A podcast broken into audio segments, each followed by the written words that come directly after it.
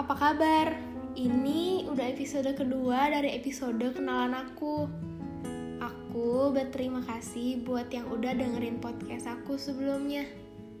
Ya meskipun cuma kenalan, tapi aku berterima kasih banget. Dan semoga kalian bisa jadi pendengar podcast about story yang setia. Um, hari ini aku mau nanya dulu dong. Kalian pernah gak sih dijadiin temen doang sama si doi? um, pasti pernah tuh. Ya gak um, ngomong-ngomong bahas tentang friendzone nih rasanya gimana sih?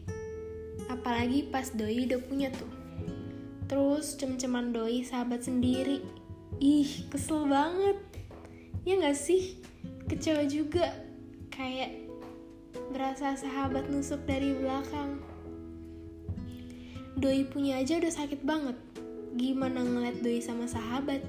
Ya gak kayak udah jatuh terus ketimpa tangga. Aku cuma bisa bilang yang sabar ya.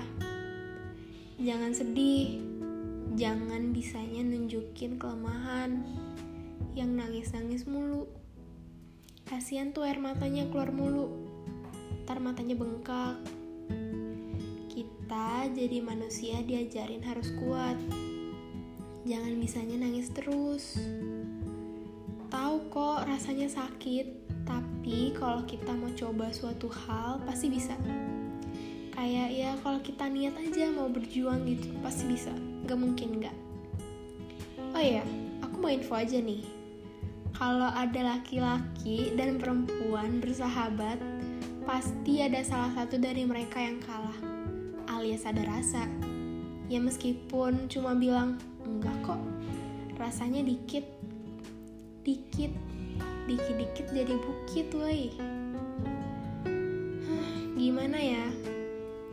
Di sini solusinya tuh ada dua. Kamu mau ikutin logika atau hati? Kalau ikutin kata logika, ya kalau kamu udah sakit karena dia nggak ladenin kamu, ya udah, udah sadar diri daripada dianya juga ngaladenin kamu suka sama dia. Mending diladenin loh. Ini mah enggak. Ya tahu ngerelain gak segampang kenalan. Cuma kita jangan mudah nyerah. Harus kuat. Terus kalau ikutin kata hati anjay kata hati.